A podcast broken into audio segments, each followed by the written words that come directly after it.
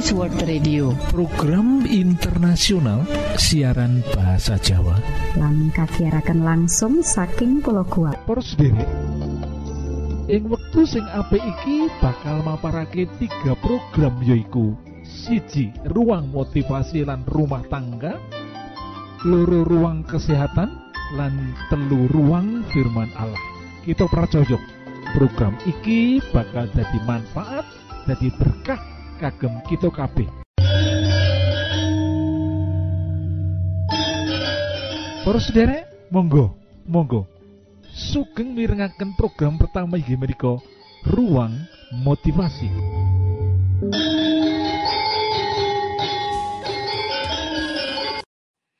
Judul motivasi kita yang waktu iki yaitu wani menghadapi rasa sepi di hari tua atau berani menghadapi rasa sepi di hari tua. Lah waktu iki kita membahas bagian yang kedua.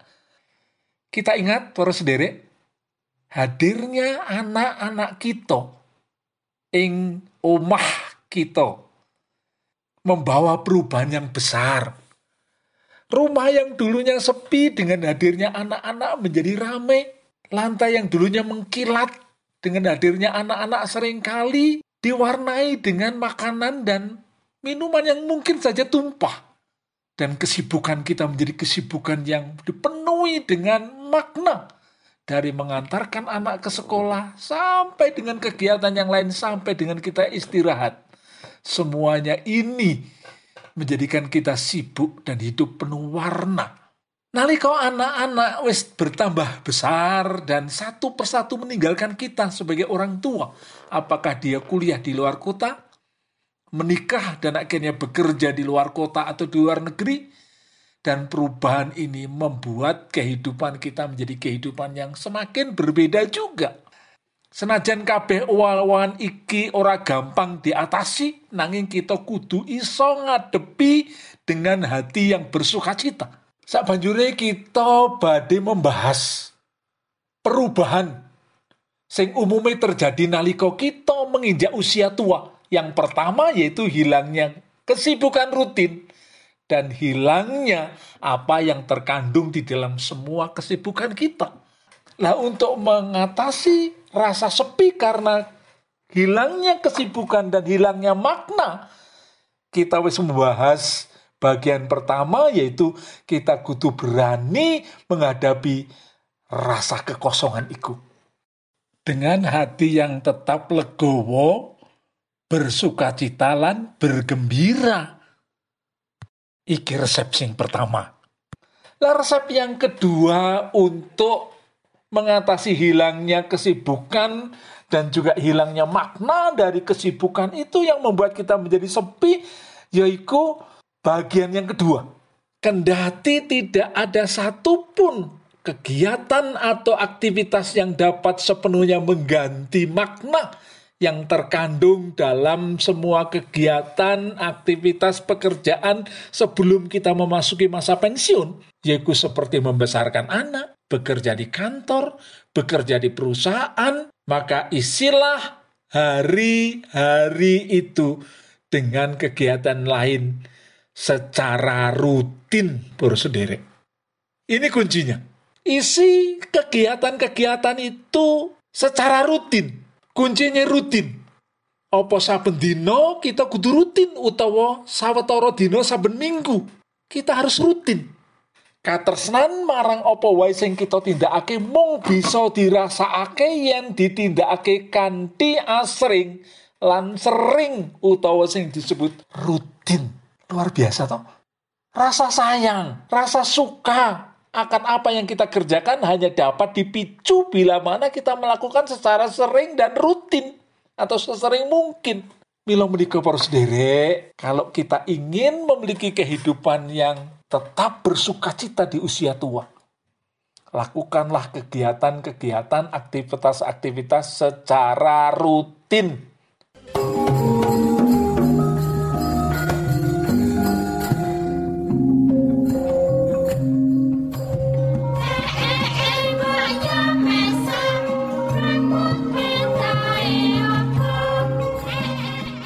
EWA utawa AWR Adventist World Radio.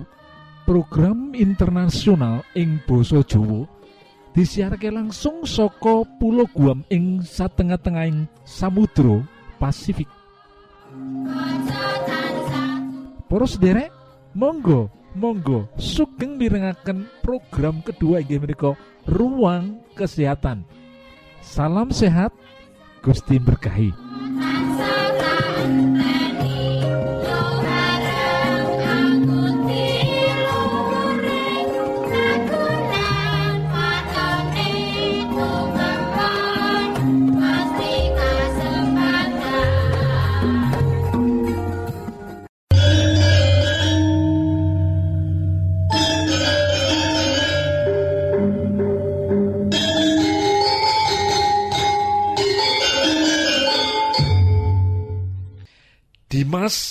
dening ibune diajab dadi bocah sing super.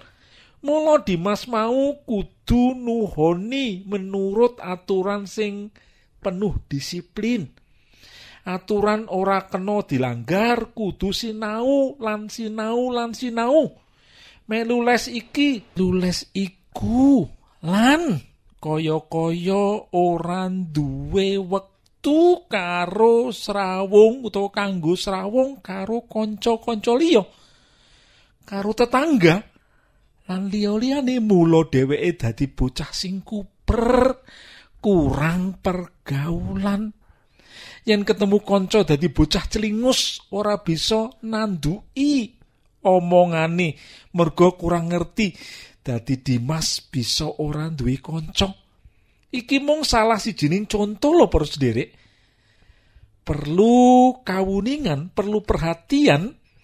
Pintere bocah bisa serawung iku penting mujudake kunci nuju kesuksesan ing masa depan. Muga bisa katrima ing ngendi bae. Mula monggo wiwit cilik anak digegulang, dilatih diwurui diajari supaya bisa serawung sing becik bergaul yang baik yen wis bisa ngulinakake serawung sing apik diharapkan ke depan bisa lancar. Wong tua kudu bisa ngarahake lho. Bina persahabatan sing becik kuwi priye? Utawa milih kanca sing apik kuwi piye diresepake rasa gotong royong. Dilatih tulung tinulung kabeh mau bakal ngraketake anggone kekancan. Disingkirake sikap ngino disingkirake sikap ngenyek. Orang ngajeni iku juga disingkirake. Lan nyepelekake liyan iku kudu disingkirake. Ana bebasan. Ajining diri saka lati ajining salira saka busana Dr. George Johnson Junior sabanjure mrayogakake wong tuwa supaya tansah menggalihake bab pasrawungane putra supaya bisa seneng anggone kekancan aja konsi senenge mau kanthi kapeksa lah opo bae kang bisa mbiyantu ana madyaning persrawungan. Apa sing bisa membantu ing tengah-tengah pergaulan? Sing pertama ibu ojo meksa marang putra sing watake meneng. Jangan memaksa. Ora okeh omongane supaya ramah lan liyane. Prayogane diparingi kawruh. Bab batine seneng srawung akeh kancane, akeh kancane, akeh untunge. Lah iki bocah meneng duwe cara dhewe anggone golek kanca. Jadi aja dipeksa. Sing kaping loro yaiku yen putra duwe sikap celingus, isinan, apa maneh nakal, aja enggal dicap. Kowe celingus, kowe isinan, kowe jahil lan liyane sebab sebutan mau jalari sing arep srawung dadi mundur lan wegah prayoga malah menehi semangat kanggo nutupi sikap kang ora prayoga mau. Sing kaping telu yaiku putra diparingi wektu kang longgar kanggo srawung karo kanca. Aja kakean larangan lan aturan loh. Pengalaman mau bakal buka nalar anyar. Lan sing kaping papat yaiku putra diajak serawung marang kanca seumur utawa sing luwih enom. Kurang prayoga yang diajak serawung karo sing wis gedhe apa maneh ABG bisa kurang becik kanggo putra kita. Sing kaping limo yaiku saran senajan panjenengan paring wektu kang longgar serawung karo kanca nanging aja ninggal kawas padan. Sopo sing ngajak kekancan kudu bisa mawas kahanani. Lan sing kaping enem lumrah.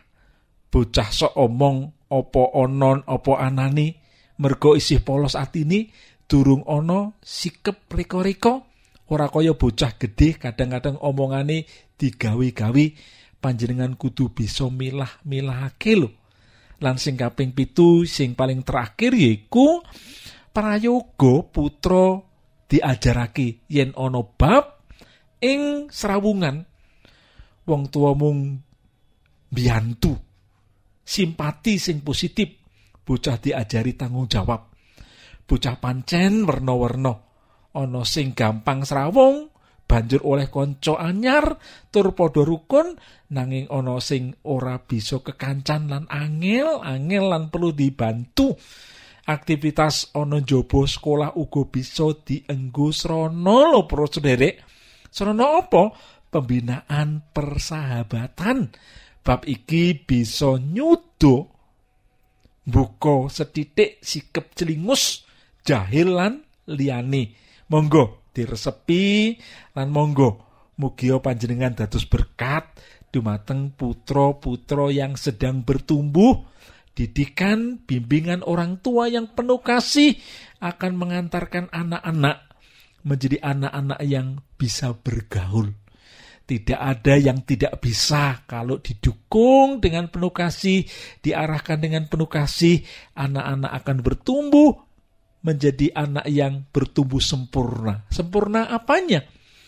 Fisiknya bertumbuh sempurna, lah mentalnya bertumbuh sempurna, rohaninya juga bertumbuh sempurna, dan yang terakhir sosialnya bertumbuh sempurna. Kita sebagai orang tua kedah dukung, nyengkuyung supaya anak kita bertumbuh bukan kuper nanging super. Jangan sampai kita pengen anak kita tumbuh menjadi anak yang super. Super dalam arti sempurna fisiknya, mentalnya, rohaninya, dan sosialnya.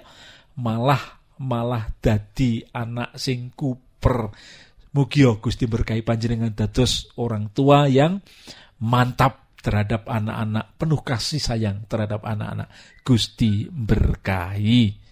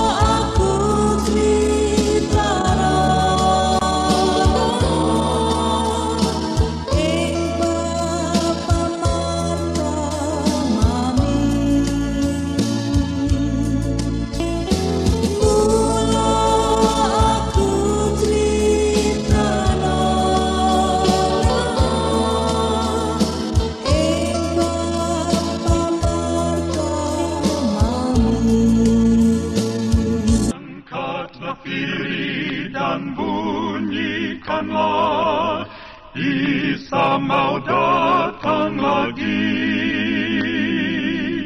Nyanyi musafir dan pujikanlah Isa mau datang lagi EWA utawa AWR Adventist World Radio. Program internasional ing Boso Jowo disiharke langsung soko pulau Guam ing satengah-tengahing Samudro Pasifik Poros derek ing wektu sing apik iki monggo kita siapkan hati kita kangge mirengaken firman Allah Datang lagi, datang lagi, Isa mau datang lagi. Senajan saben dina wanita iku tansah mbujuk Yusuf. Nanging Yusuf ora gelem ngladeni panjaluke wanita iku supaya gelem turu bareng dheweke. Iku firman Allah sing kawedhar ing buku Purwaning Dumadi Fatsal 39 ayat 10.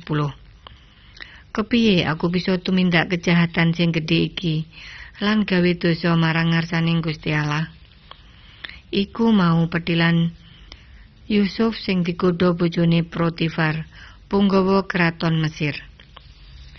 Sawijining pemuda sing gagah, bagus praupane, terampil lan wicaksana, setya jujur, manis budi, duwe pendirian sing kukuh, sarwa duwe iman sing kuat. Dheweke iku wis didol dening sedulur-sedulure tuwa sing duwe cara pamikir negatif. Sodagar median sing nukung gawa dheweke menyang tanah Mesir lan ngedol maneh marang Potifar. Punggawa kapercayane Raja Firaun. Pemuda pemuda kang arane Yusuf iki banjur didadekake budak. Sing ing omah dheweke iku anak kesayangan bapake. Bisa kita bayangake mendah sedih hatine Yusuf. Urip ing antarane wong-wong kafir sing nyembah berhala lan kepisah ado saka bapak sing banget tresnani dheweke.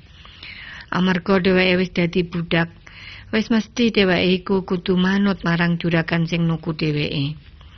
Para sutresna, yen disawang saka sudut negatif, mesti wae Yusuf masrahke nasibe marang kahanan. Nanging bocah nom sing konsisten marang pendiriane, beda karo para budak liyane.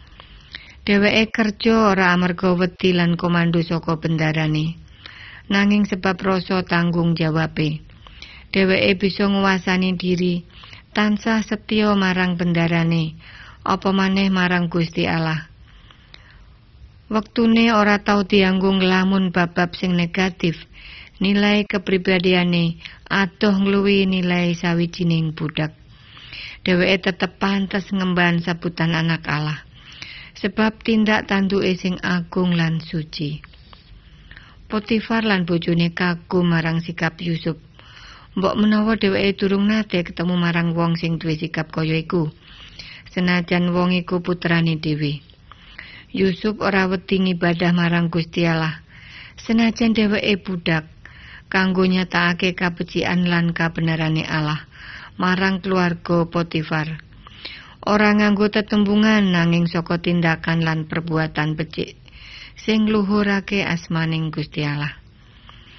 Gusti Allah tansah nganti dheweke lan dheweke tansah kasil ing kabeh pekerjaane.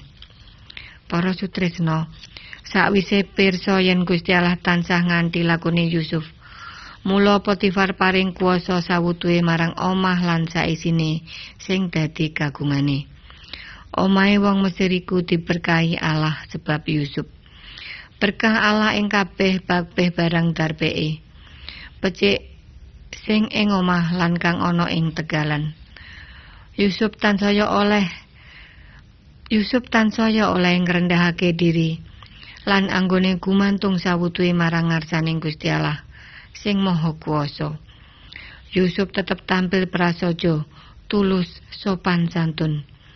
Babar pisan ora kanyono sikape sing kaya iku, gawe kapincute bojone Potifar.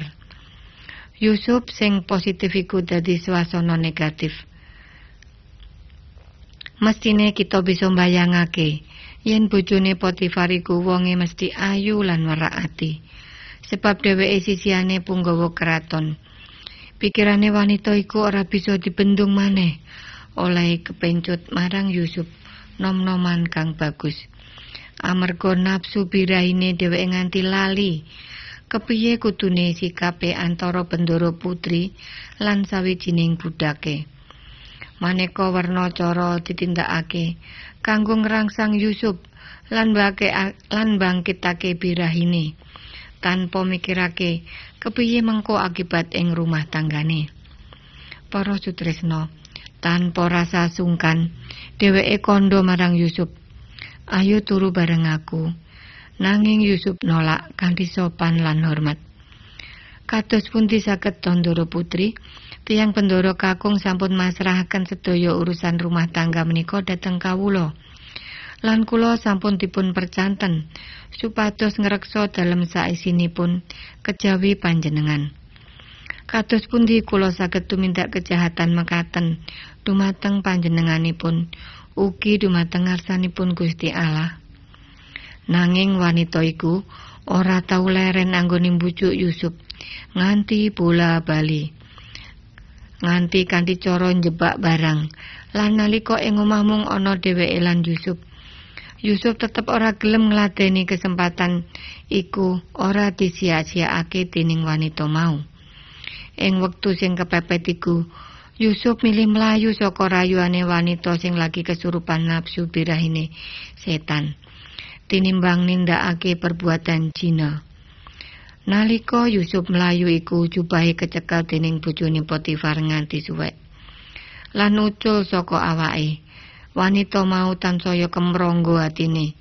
Lan sanelika setan wis nguasani atine lan menehi dalan pamikiran kanggo uwal saka masalah iku. Para sutresna, benerake awake dhewe lan genti nguncalake tuduhan marang Yusuf. Iku sikap kang dijupuk dening bojone Potifar. Kanthi swara kang soro, dheweke bengok nganti wong sak omah padha mara kabeh. Delengen, wong iki arep nggodha arep nggodha aku, dhek arep ngrodo paksa aku.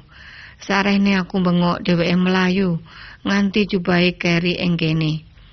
lan jubahe Yusuf etok-etok diselehake ing paturane. Nalika Potifar teka lan ana swasana aneh, wong sak omah padha ngrumpul ngomongake Yusuf lan bojone. Nangise digawe-gawe ambruk marang dheweke. Nalika didangu, wanita mau caos atur goroh marang Potifar. Menika lo Yusuf, abdi saking Ibrani mlebet kamar kula. lan badhe nggodha preksa kalian kawula. Nanging kawula nalika bengok piyambakipun melajeng melajar medal lan jubahipun kenton wonten ing kamar menika. Tanpa akeh pitakon, Potifar percaya banget marang kang dadi waduli bojone. Saking dukane, Yusuf banjur dilebokake pakunjaran. Para sutresna kang dikasih dening Yesus Kristus. yen Yusuf wis milih luwih becik dikunjara tinimbang tumindak dosa. Kepiye karo kita iki? Para wong sing ngaku duwe agama, para wong enom, bapak lan ibu, apa sanggup kita njaga kesucian tabiat kita kaya Yusuf? Apa sanggup kita mempertahanake kemurnian rumah tangga kita? Apa kita tetap sanggup duwe pamikir positif ing kahanan kejepit negatif? Yusuf sanggup sebab kanthi hubungan sing ngeraket karo Gusti Allah. Semono uga rahasia kesanggupan kita. Saben ana cecoban sing arep ngrusak kita, monggo kita ngucap, kepiye aku bisa tumindak kejahatan sing gedhe iki lan tumindak dosa marang Gusti Allah sing wis nitahake kita. Para sutresna, Muga-muga renungan cekak iki bisa timbundut manfaate kagem diterapake ing urip saben dinan. Amin. Kita ingkang tugas jagi wonten studio nyuwun pamit badhe mundur. Pilih wonten pitaken-pitaken utawi unjuking atur masukan-masukan lan menawi panjenengan gadah kepengingan ingkang lebet badhe sinau ba pangantikaning Gusti. Lumantar kursus Alkitab tertulis Monggo. 3 Advent suara pengharapan PO Box wolu enol songo enol Jakarta setunggal kali wolu setunggal nol Indonesia panjenengan saged mlebet jejaring sosial Kawulo inggih menika Facebook pendengar radio Advent suara pengharapan utawi radio Advent suara pengharapan